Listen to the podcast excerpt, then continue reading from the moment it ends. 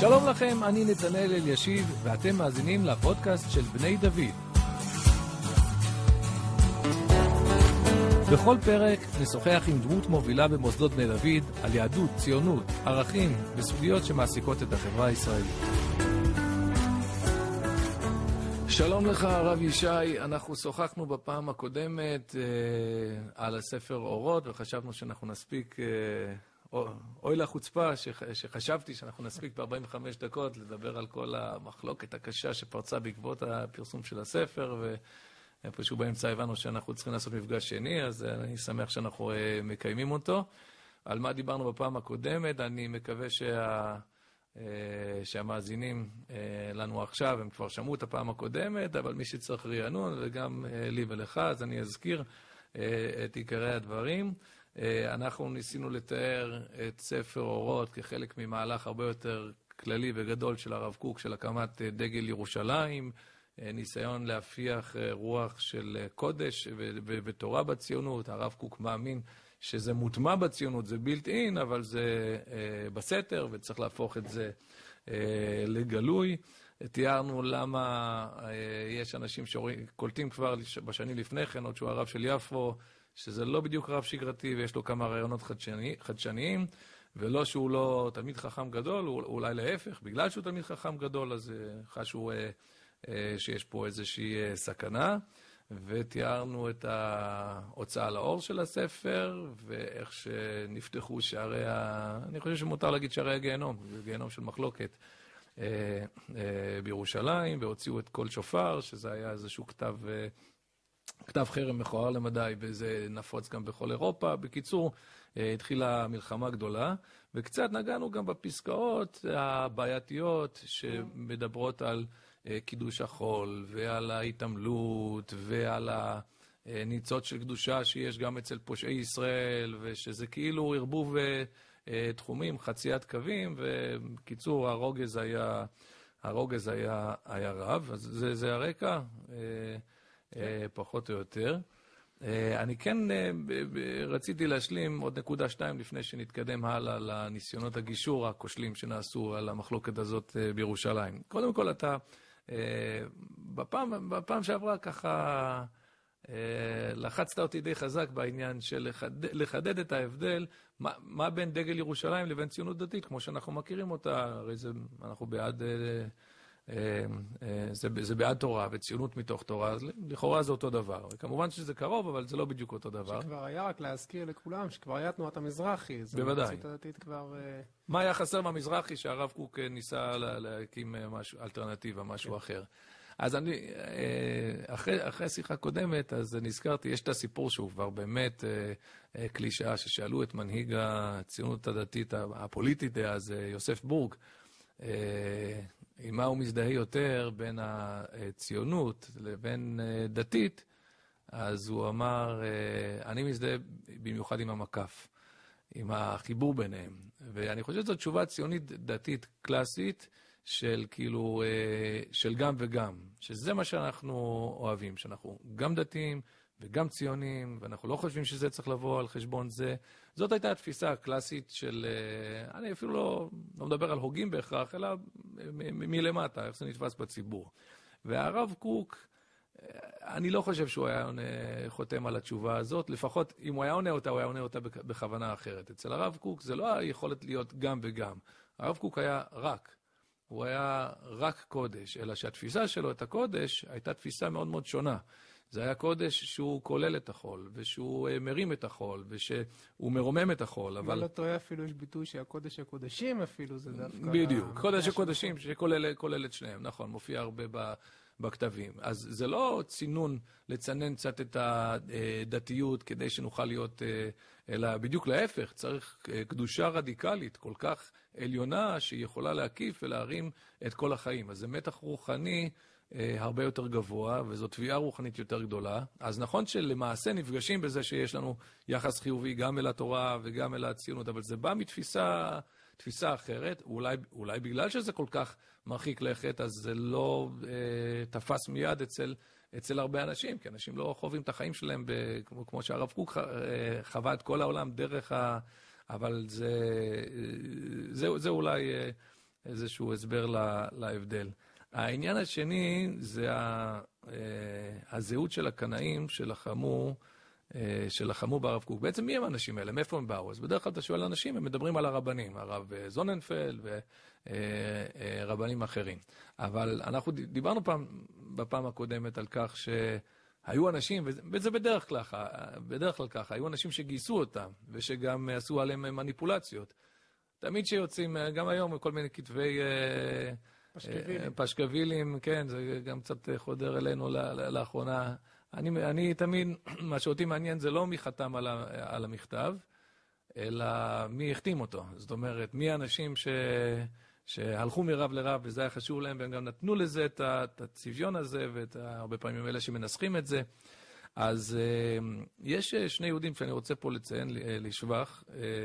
אני לא מכיר את אף אחד מהם אישית, אנחנו לפעמים מתכתבים מרחוק, אבל הם, uh, וזה uh, משה נחמני. וצוריאל חלמיש.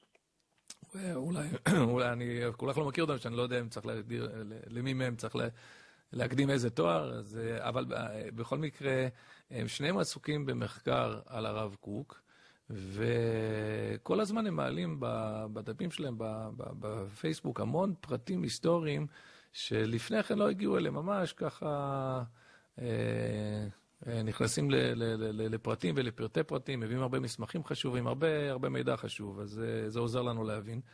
אה, אז, אז בדיוק זמן קצר אחרי המפגש הקודם שלנו, אז אחד מהם פרסם עוד כמה פרטים, ואני למדתי משהו חדש, שבעצם הקנאים שהובילו את כל המהלך הזה, הם היו חברים מאוד טובים של הרב חרל"פ. זאת אומרת, אה, שהרב חרל"פ היה בן בריתו, ממש אה, היה קשר נשמתי עמוק בינו לבין הרב קוק.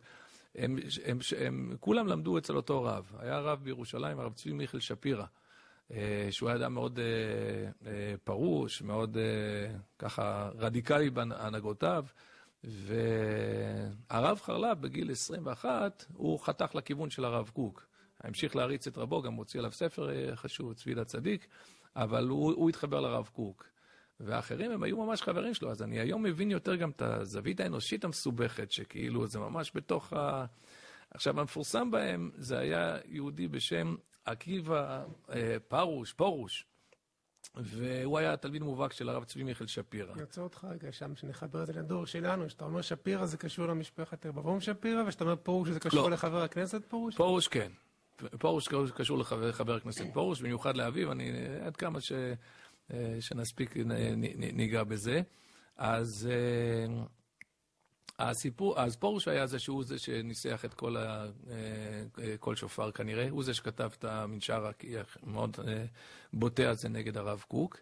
אפילו יש כאלה שאומרים שהוא רמז בשם של המנשר, אנחנו אמרנו כל שופר בגלל שזה שופר זה בהקשר של נידוי, אבל האותיות שופר זה כנראה לא במקרה גם האותיות של, של פרוש.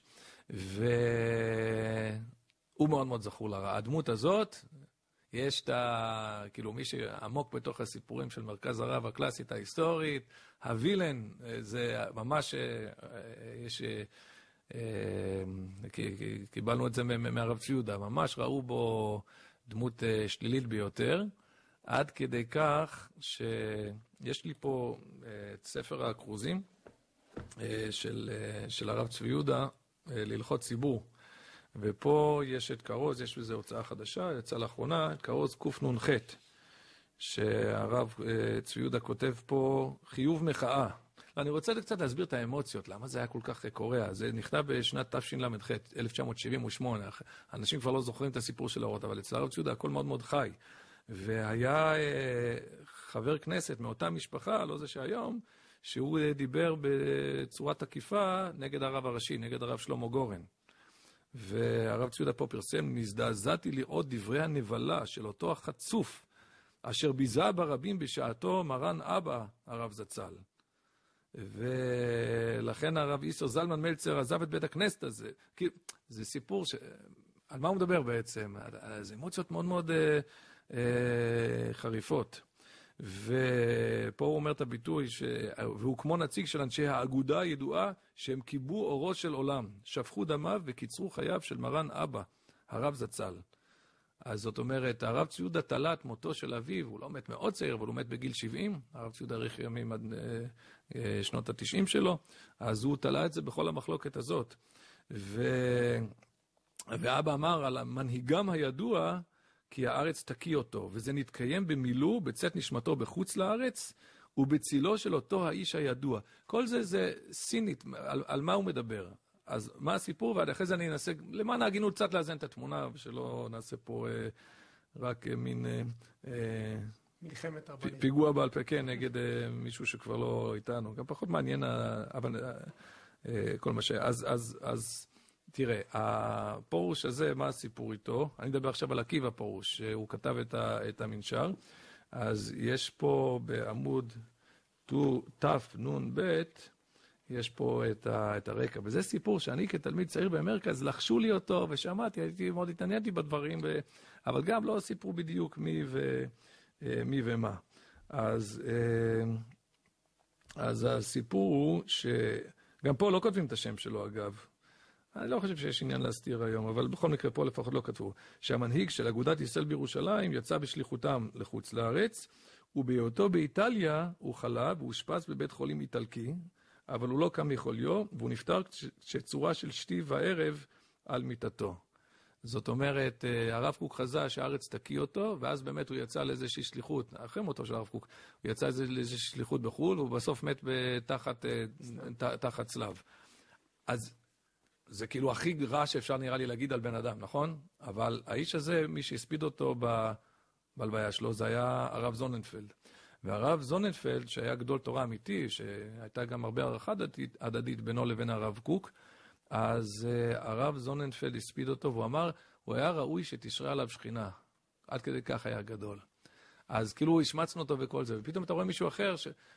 זה בדיוק קו השבר שאנחנו מדברים, שמישהו בעיני אה, צד אחד, שאני מזדהה איתו, ממש הנורא ביותר, אחרים רואים בו את, ה, אה, את הקדוש, ו, ו, וזה בדיוק מה שקורה בסוג כזה של, של מחלוקות. ועוד משהו היסטורי שעוזר לנו להבין את, ה, את, את השבר הזה, זה שבאותה משפחה, משפחת פרוש, גם היו המעריצים הגדולים של הרב קוק. וממש, אז אה, זה, זה, זה חתך את החברה בירושלים. היה, אני מדבר עכשיו על יהודי בשם מנדל פרוש, אני לא יודע עליו הרבה, אבל אני יודע שכשהיה ספק אם הרב קוק יסכים להיות אה, הרב אה, בירושלים, או הרב הראשי, או משהו כזה, הוא איים שהוא יטיל את עצמו על פסי הרכבת. אם הרב קוק לא יבוא עכשיו להיות הרב של זה. עד כדי כך הוא היה מעריץ גדול של הרב קוק. אז היו אמוציות מאוד מאוד גדולות. כל זה ניתן, זה, זה, זה מתח דתי גבוה שרובנו לא מכירים. והמתח הזה מוביל את המעריצים של הרב קוק אה, להריץ אותו עד כדי כך, אבל את המתנגדים, אז אה, זה, זה מוביל אותם לכיוון אחר. מבחינת אה, הרוב, האם זה שהרב נבחר להיות רבה של ירושלים, והתמונה המפורסמת שעומדים כל אנשי ירושלים ומקבלים את פניו, זה אומר שהיה רוב מוחלט שהיה בצד oh. שהעריץ את הרב קוק? כן. וה... חד משמעית. זה בדיוק השקר שאולי הגדול ביותר ההיסטורי. מה, היה, מה הייתה עמדת הרוב? וזה מסביר לנו עוד משהו לגבי תגובתו של הרב קוק. אבל רק לפני כן אני רוצה ברשותך להשלים עוד, אה, עוד נקודה אחת של משפחת פרוש. כי הרב ציודה תקף פה אה, את, את חבר הכנסת שהוא אה, מהמשפחה הזאת, והוא... אה, אה, זוכר לו מאוד לרעה שהוא ביזה את הרב קוק. עכשיו, למען ההגינות אני צריך לומר שאותו חבר כנסת אמר שהדברים הוצאו מהקשרם. זאת אומרת, הוא אמר, אני לא באמת אה, ביזיתי את הרב קוק. מה היה הסיפור? היה סיפור בשנת 1932, כשהרב קוק אה, עדיין בחיים. פורים, פורים זה זמן של התעלות רוחנית, אבל גם לא מעט שטויות שנעשות בפורים. והגרסה של אותו פורוש, אין לי עניין להזכיר אה, את שמו, עוד אחד מהפורושים, כן? מי שזוכר, זוכר. אבל הגרסה שלו, הוא אומר, הייתי בן 16. אני סתם התחפשתי, תמיד הייתי בפורים, שם זקן, שם זקן לבן ארוך ומתחפש וזה, והתגלגלתי די במקרה לבתי ברוידה, מה היה שם? שם אה, הזמינו אנשים להתכנס, אבל הם, המתנגדים של הרב קוק שם, הם קיימו איזשהו משהו הזוי ומרושע, אבל גם צריך להבין אותו על רקע של פורים, איזשהו משפט פומבי אה, נגד הרב קוק, כמובן שלא בנוכחותו. אה, ליצנות של פורים. ליצן, מה זה ליצן? זה ביזוי uh, תורה. אבל מכיוון שהם ראו בו את מה שהם ראו, ובמסגרת זה, כשהם, מספר אותו פרוש, כשאני נכנסתי לשם, ראו אותי עם הזקן, אמרו, או, oh, אתה בדיוק מה תהיה, אנשים גם שתו, אתה תהיה בתפקיד של, של הרב קוק. וזה נגמר, ופה זה כמובן אה, מזעזע, פורים זה לא תירוץ לכל דבר, זה נגמר בזה שהוציאו גזר דין מוות. שחטה לרב קוק. כן, אז אה, דינו זה, ואז אה, עם אקדח צעצוע ממש אסור הצגה שיורים בו, זה כמו הצגות להבדיל, אה, או לא, לא יודע, אתה יודע, בקייטנות של מחבלים, או לא יודע, כן זה דבר נורא ואיום, זה מזעזע. פורים זה לא יכול להיות תירוץ לדבר כזה. אז הדבר הזה התפרסם בירושלים, שהיה מין דבר כזה, מין הוצאה להורג של, של הרב קוק, וזה כמובן עורר זעזוע גדול, והרב ציודה, שנים אחרי זה הוא עוד חווה את זה. אה, האם היה השם, אה, אותו אדם, השמועה הייתה בכלל שהוא זה שירה, אתה יודע, זה כמו משפטי, כמו שמדברים פה על רצח רבין, ומי ירה ואיך ומתי. מי עשה פולסא דנורא. כן, אז, אה, אז פחות מעניין אותי מצידי לדון כף זכות כל אחד, ואם הוא אומר שזה לא היה הוא, אז מצידי שלא יהיה הוא והכול. אני רק מסביר מה היה המתח, מה קרה שם, איזו מלחמה נוראית, איזה... אה, זה מתח, מתח רוחני ו, אה, ו, ומחלוקת הייתה. בתוך כל הדבר הזה, אני אענה על השאלה שלך על, אה, על הרוב והמיעוט, אבל צריך גם להתייחס למי שבא לעשות שלום. וזה היה בשנת 1921, פה אני הולך כבר כמה שנים אחורה, אבל יחד, כשה, כשהמחלוקת על אורות עדיין הייתה טריה, הגיעה דמות מוסכמת, נערצת בעולם היהודי, וזה הרב אלתר אברהם אה, מרדכי אה, אלתר, האדמו"ר מגור. חסידות גור הייתה ענקית לפני השואה, אחרי זה, ברוך השם, אה, שיקמה את עצמה, ספגה אולי מהחסידויות שהכי נפגעו בשואה. בכל מקרה, אז האדמו"ר מגור, ממש גם תלמיד חכם גדול, רציני, מוכר, גם מנהיג ציבורי. והוא מקבל את הדיווחים הקשים על המחלוקת ש- ש- שהולכת. החופץ חיים היה מאוד מעורב בזה, הוא מאוד מאוד הקפיד על, ה- על האנשים שעשו מחלוקת נגד הרב קוק, הוא הכיר את הרב קוק. האדמו"ר מגור הגיע כדי לעשות שלום. ו... זאת הייתה מטרת ההגעה שלו לארץ? אני לא חושב, אבל uh, זו הייתה מטרת משנה חשובה. הוא uh, פגש, אז קודם כל, כמובן שכשהוא הולך לפגוש את הרב קוק, יוצאים פשקווילים גם, uh, שאני לא אתפלא אם אותו עקיבא פרוש היה קשור גם אליהם, uh, של אברהם שווה אברהם, לא לחינם הלך הזרזיר אצל העורב. אלא משום שהוא uh, מינו. זאת אומרת, ואז הדגישו את המילה מינו, הם, הם, אתה יודע, אם את היצירתיות של הפשקווילים, ומשחקי המילים, והחידושים והעקיצות, אם היו מפנים את זה לתורה, זה, uh, זה ממש היה נפלא. אז אתה מבין, הוא, הוא מינו, אז מינו, הדגישו את המינו, כלומר הוא מין. מין כן. אז uh, זה שהרב קוק מין אנחנו כבר יודעים, אבל עכשיו גם האדמו"ר מגור. זאת אומרת, כל האמצעים היו כשרים. עצם זה שהלכת להיפגש איתו ולדבר איתו, זה כבר... נפגשת עם הרפורמים. כן, אז... אה, אבל האדמו"ר מגור היה לו גב ציבורי מאוד חזק, והקנאים היו די מבודדים בעניין הזה. קנאים זה ההונגרים? אם, אם הולכים עדתית אז כן. אבל שוב, היו הונגרים שהיו בעד הרב קוק, והיו לא הונגרים שהצטרפו למהלך הזה. אבל כן, בחלוקה הדתית זה היה בעיקר ההונגרים. ואני חושב שהזכרנו פעם שעברה, חלק מהמחלוקת בסוף פה גם הייתה קשורה לעניין הזה ולעניינים של חלוקת תקציבים והכול, אבל אי אפשר לפתור את כל המחלוקת רק בזה. בכל מקרה, האדמו"ר מגור פוגש את הרב קוק, ואני חושב כמה פעמים, והוא מצליח להביא לאיזשהו הסכם שלום שלא לא מתקיים, כמנהגם של הסכמי שלום במזרח התיכון. זאת אומרת, הקנאים לא קיימו את חלקם, וגם הרב קוק ראה את עצמו פטור מזה. אבל אמ, מה שנשאר לנו מכל... מה זה הסכמי שלום? מה הנפקא מינה של המחלוקת? על מה הדיון?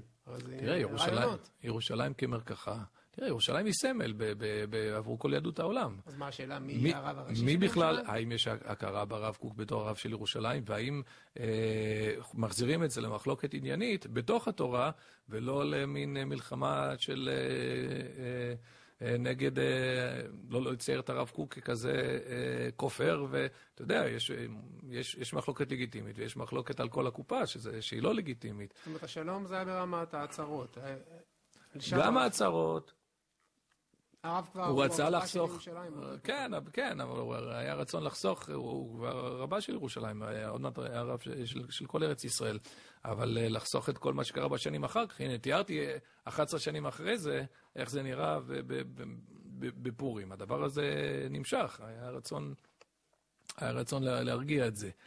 אז אה, מה שנשאר לנו, יש לנו כמה דברים שנשארו, אבל בעיקר זה האיגרת שהאדמו"ר מגור אה, כותב כשהוא היה בספינה, חזרה לחוץ לארץ. וזה אה, טקסט חשוב, ואני חושב שהוא מגדיר במידה רבה את, ה, את המיינסטרים, שלא הלך אחר הקנאים, אבל גם לא אימץ את, ה, את הדרך של הרב קוק. אז קודם כל, אה, באיגרת שלו יש... אה, אה, זיכוי, איך המילה? vindication? קיצור, קודם- כל, זיכוי של הרב קוק כתלמיד חכם, כאישיות. הוא אומר ככה, הנה בחו"ל היה מושג בציור אחר ממה שהוא באמת. כלומר, מי שאני פגשתי זה לא מי שאני חשבתי שאני הולך לפגוש. כי על פי הידיעות, היה נחשב הרב הגאון, הרב אברום קוק שיחיה, כאילו היה רב נאור ורודף שלמונים. בחוץ לארץ הכירו את כל המוצד של רבנים מטעם, ושממונים מהשלטון.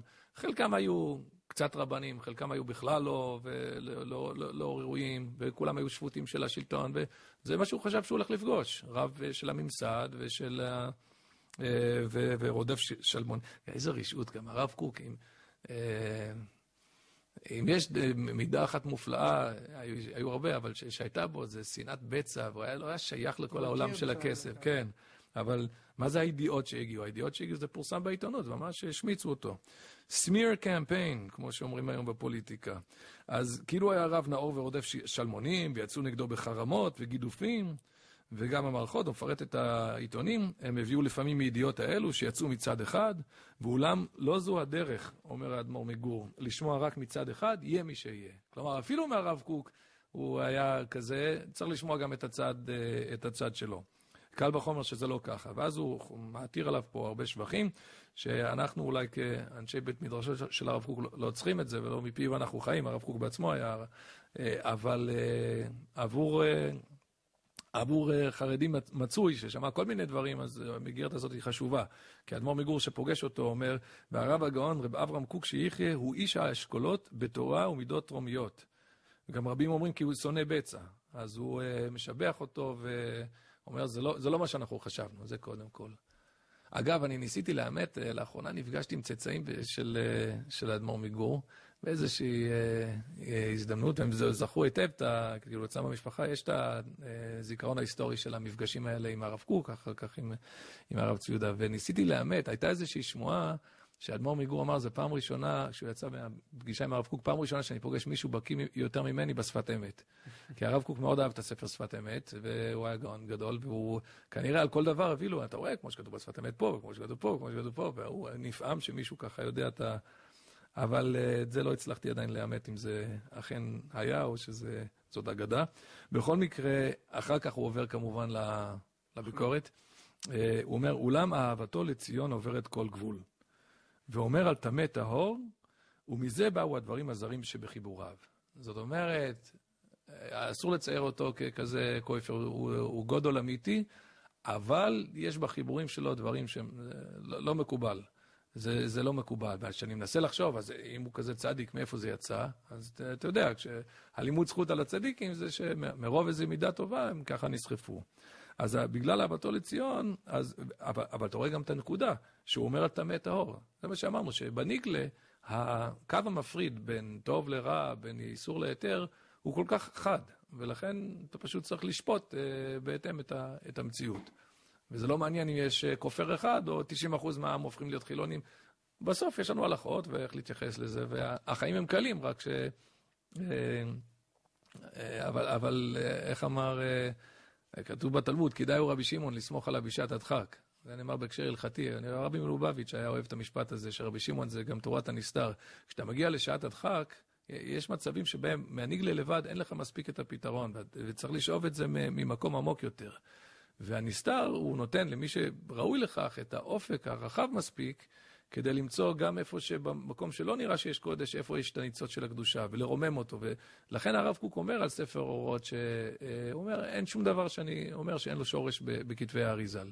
כי זו באמת חשיבה אה, של, של חיפוש הקדושה איפה שהיא לכאורה לא נמצאת. אבל זה תמיד לא הצלחתי להבין. איך אה, אדמו"ר גדול, אתה מציין פה את הרב אלתר מגור, שהחסידות כבר עשתה את העבודה הזאת במובן מסוים, הרי היא גם דיברה על הניצוצות ועל האכילה ועל הגוף. היא עשתה את העבודה הזאת, זה לא דברים זרים לה. לחלוטין. העניין רק של החילונים זה בגלל שיש פה איזו אווירה חילונית, שהרובו של העם הולך אחרי החילוניות? זה, זה גם, אז קודם כל זה פשוט, אה, זאת בדיוק הנקודה. הרב קוק, אה, יש איגרת שלו שהוא אומר, החסידות זה כבר לא מה שהיה פעם. אה, היא בהתחלה הייתה באמת אה, מוצאת את האור שבתוך הזה, והיום היא הפכה להיות פראָסטע פרומקייט. סתם... חברתי. דוסיות ככה פה אתה נפגש לא עם אחד מהדוסים הפשוטים. כן, כן, כמובן. אתה נפגש עם אחד שבקיא בשפת אמת, אתה מדבר פה עם אנשים שכבר מכירים את התורה. למה זה זר? זה זר? הרעיונות של הרב קוק זה זר. אז היו אדמו"רים באמת שהיה להם יותר קל להתחבר לרעיונות האלה. הרבי מצ'ורטקוב, שהרב ציודה נפגש איתו בווינה, והוא הבין את כל דרך האורות של... אה, ממש על זה היו הדיונים שלהם. למה פה זה לא עובד? כי... אחרי זה מלובלין, שכולם דיברו על היהודי הקדוש, כן. עגלון, מה שונה העגלון מהקיבוצניק?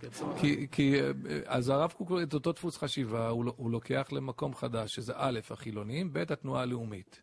הרי שאלו אותו, מה, מה השיטה שלך, במה אתה שונה? הוא אמר, אני בונה האומה.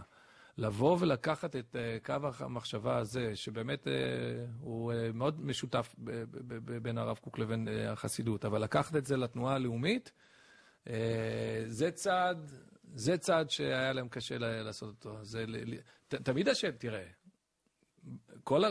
הרי גם הקלקולים הכי גדולים, הם גם יצאו מאותה חשיבה שנסתר. גם שבתאי צבי, זה כבר פרשייה בפני עצמה, אבל זה גם היה קשור לחשיפה בוסרית לרעיונות אה, קבליים, שזה הפך ל... אה, לקדש את הטמא. זאת אומרת, הרעיונות האלה הם באמת מסוכנים. תמיד, ולמרות נכון? הביקורת כלפי החסידות, הם המשיכו לדבוק ברעיונות נכון. הפנימיים. אז... אתה מכיר, את, אתה מכיר הרי את ההוא שרודף אחרי האוטובוס ומתחנן שהנהג יחכה לו, וברגע שהוא עולה, הוא אומר, סע, סע, וכשאתה כבר עלית, אה, אז אתה מסתכל אחרת על ההוא שנמצא בחוץ. זה ממש מפליא בעיניי. עכשיו יצא ספר מדהים, אני ממליץ לכולם לקרוא אותו, של הרב שילת, בין חסידות לראייה. אתה רואה שהוא עומד על ההבדלים.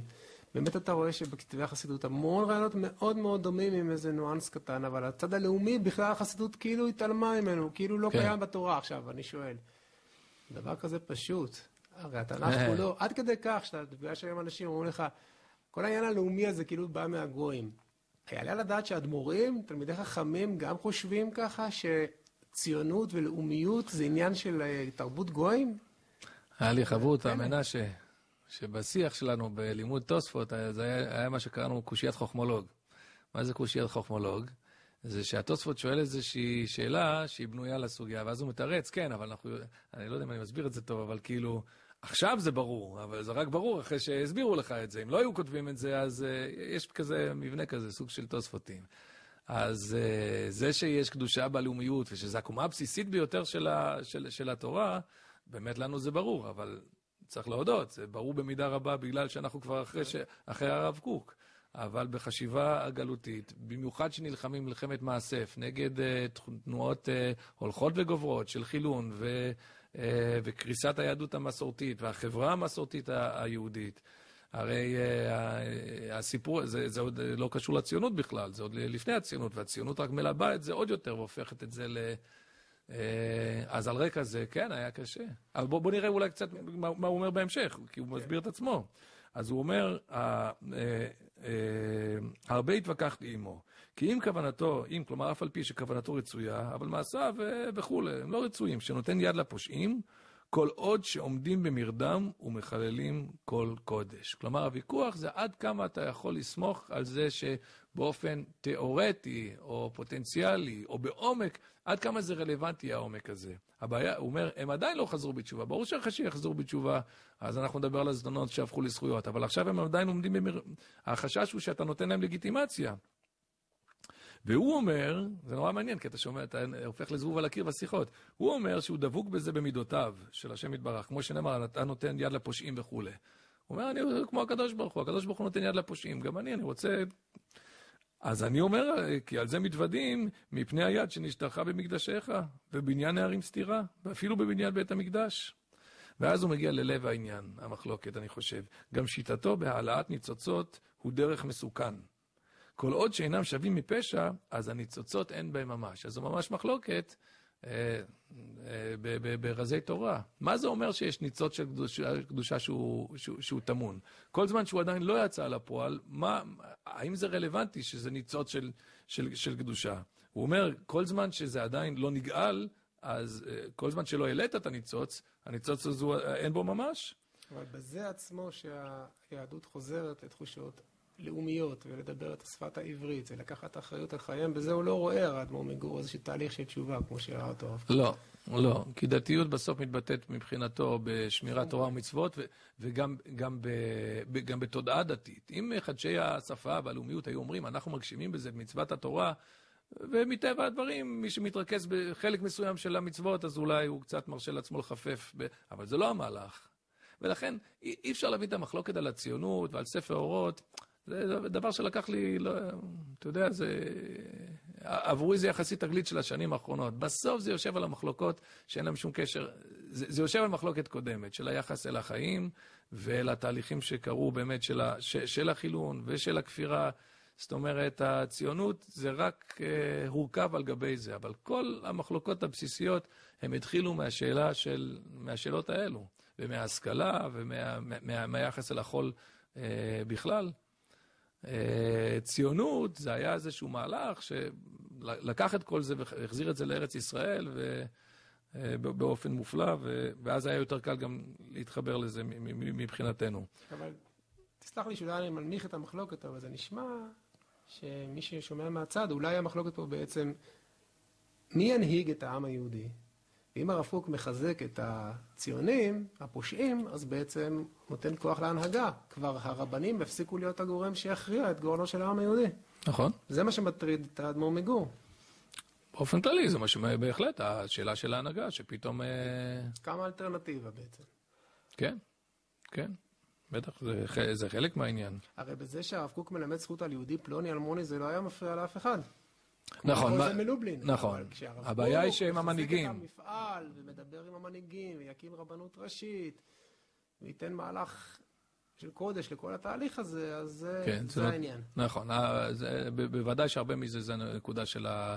המנהיגות. הרי ברמב"ם כתוב שאדם שאין לו יראת שמיים, אסור למנות אותו לשום מינוי, אה, גם מינוי אה, זוטר בחיים הציבוריים. אז לחשוב שהמנהיגים של כלל ישראל, של מדינת ישראל שבדרך, ואחר כך של מדינת ישראל, הם אנשים כאלה, זה בוודאי... זה בוודאי חלק מהעניין. התחבר לי רק פעם אחת בשיחה של רב שלמה קרליבך, שאמר, פעם ההנהגה הייתה רבנית, וזה מה שכואב, שהיום אין הנהגה רבנית לכלל ישראל, לשאלות כלל ישראל. אז אולי זה מה שעומד פה בבסיס העניין.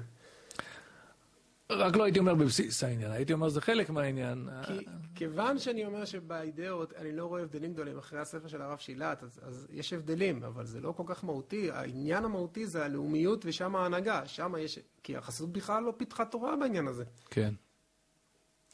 כן, טוב, באופן כללי, אנחנו, זה קשור לחזון העצמות היבשות ופירושו של, של הגר"א, שאנחנו בעצם, אה, מבחינה לאומית, לאומית אנחנו לא, לא תפקדנו, לא היינו על המפה, אנחנו היינו אה, כמו מת. כן. אז לא, לא חוו את החיים דרך המחשבה הלאומית. ואז, אם אתה, אז אה, גם את הארץ פגשו רק כמקום שאפשר לקיים מצוות שתלויות בארץ, אבל לא, לא, לא הסתכלו על החיים הלאומיים, הלאומיים, הציבוריים, כ...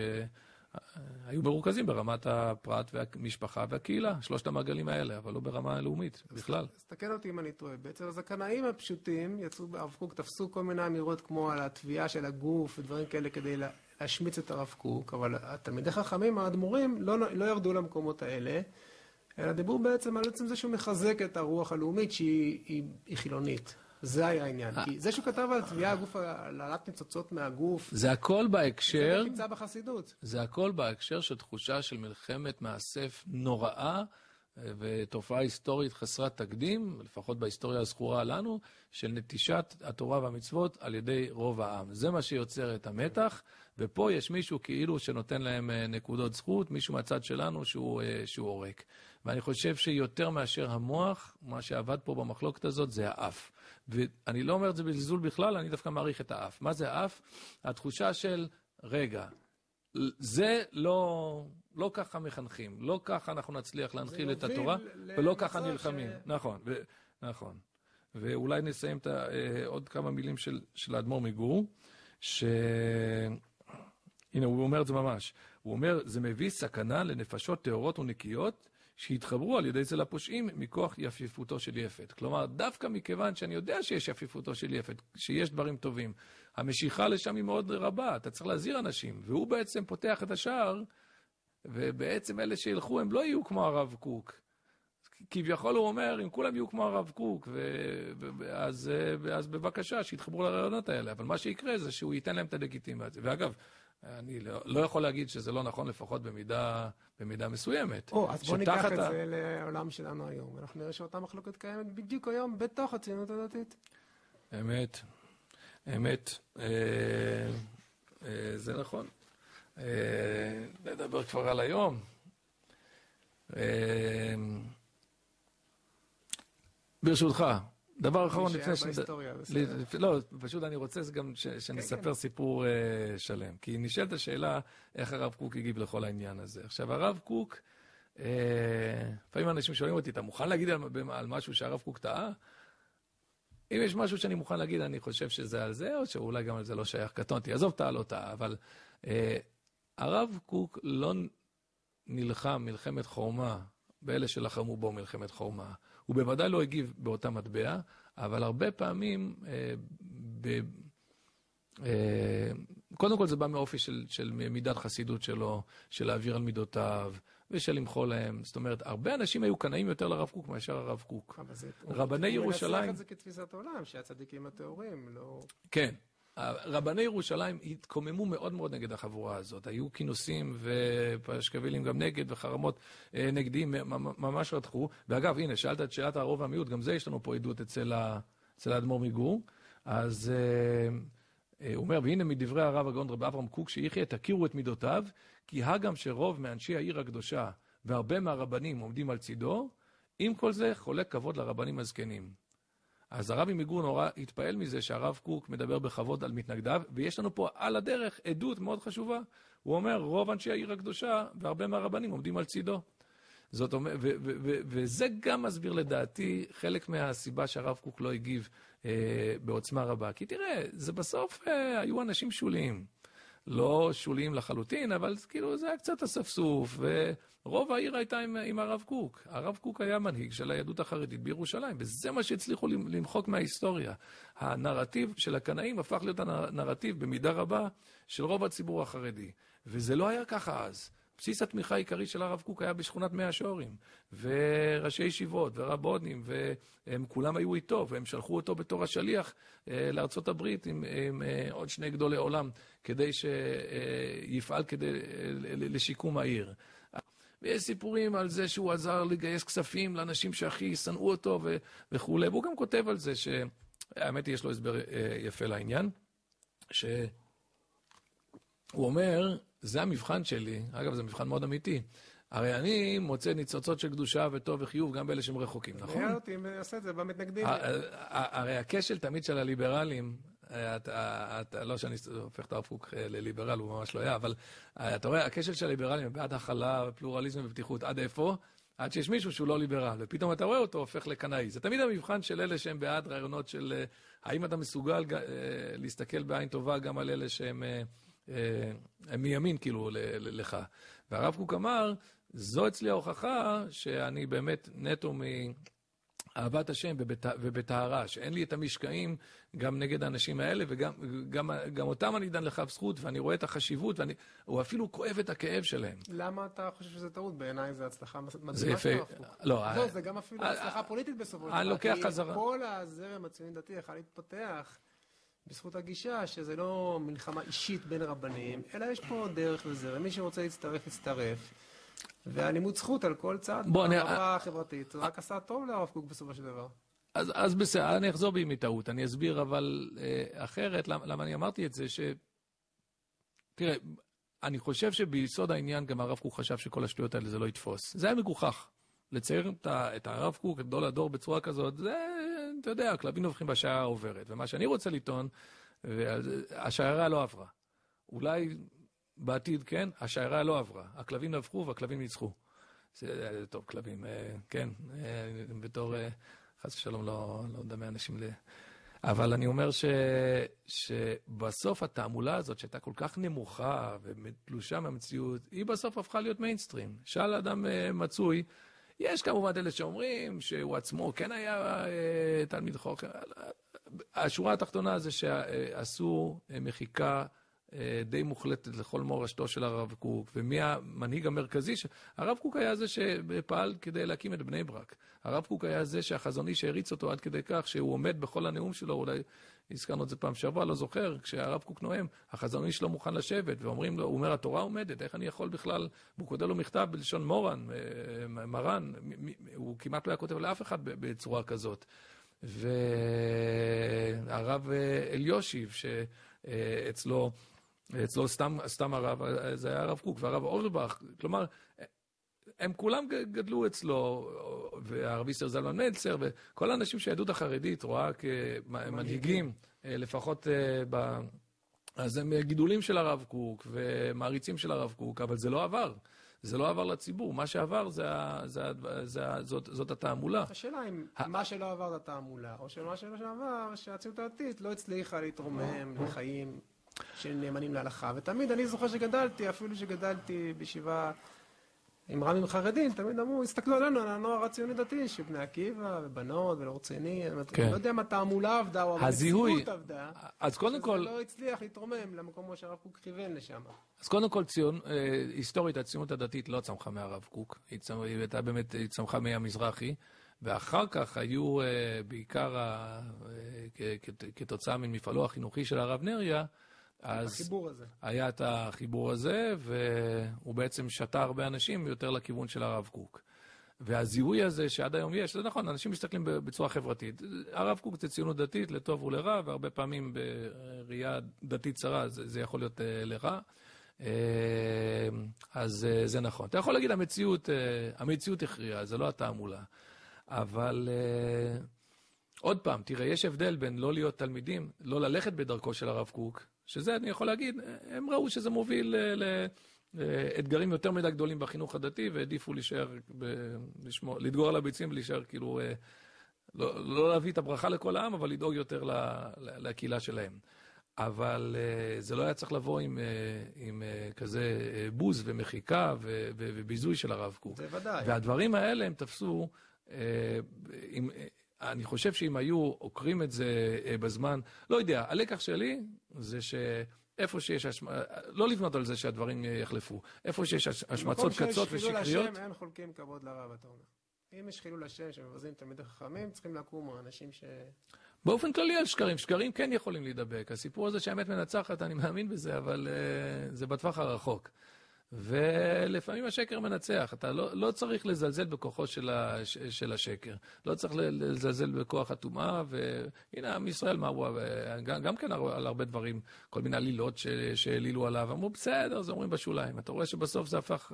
אבל היום הנרטיב של הציבור החרדי, אני לא מספיק מכיר, תגידי אם זה נכון, שהרב קוק הוא רודף שלמונים, ו... זאת אומרת, זה הנרטיב שקיים של לא. עלילות השקר האלה? לא חושב. נקווה שלא, למרות שאתה מוצא את הכל, בקצוות אתה מוצא את הכל. אז נשארו, אתה אומר בעצם הקנאים הצליחו להעביר את המסורת הקנאית לעוד כמה קנאים, אבל זה לא שהנרטיב שלהם משתלט על השיח. תמיד יהיו כנראה כן. כמה קנאים. כן. הרב קוק גם כותב שזה גם ממלא איזשהו צורך. תראה, יש גם את צדדים אחרים לגמרי. בסוף, בעיניי מה שמרגש זה שחלק מהצאצאים של גדולי הקנאים שלחמו ברב קוק, הם היום לומדים את תורתו. כולל צאצאים של המנהיג, אם כי הוא כמובן לא הלך בדרך של, ה, של הביזיון, של הרב זוננפלד, כולל צאצאים שלו, שאני חושב שגם אתה ואני מכירים, שמאוד מזדהים ותומכים, אפילו פה במוסדות בני דוד. לא מזמן, חבל שלא העתקתי את זה, אבל בדיוק מישהו, מישהו כתב, אני אנסה לאתר את זה, אני חושב שזה אה, עלה איפשהו בדף של משה נחמני, מישהו אמר, שמע, אני צאצא של והוא הביא את השם, שעשה ככה וככה, ותדע לך שאני היום, כל הבית שלי, בבית שלי יש ספרים של הרב קוק, ואני לומד את זה, ואני נורא הופתעתי, וגיליתי אור גדול וכולי, והוא, כאילו לא הפכתי להיות לגמרי, אבל אני... אז ברור ש... אה, ברור שיש גם הרבה דברים טובים ש, ש, ש, שצומחים. בכל מקרה... שאלו אותי תלמידים שלה, אני מעניין אותי לשאול אותך מה אתה אומר. האם הרב קוק היה חי היום, הוא היה שמח על מה שהוא היה רואה או לא? בעיניי תשובה פשוטה, אבל אני רוצה לשמוע גם אותך. מה, בוא נשמע אותך, מה אתה אומר. שמח במה?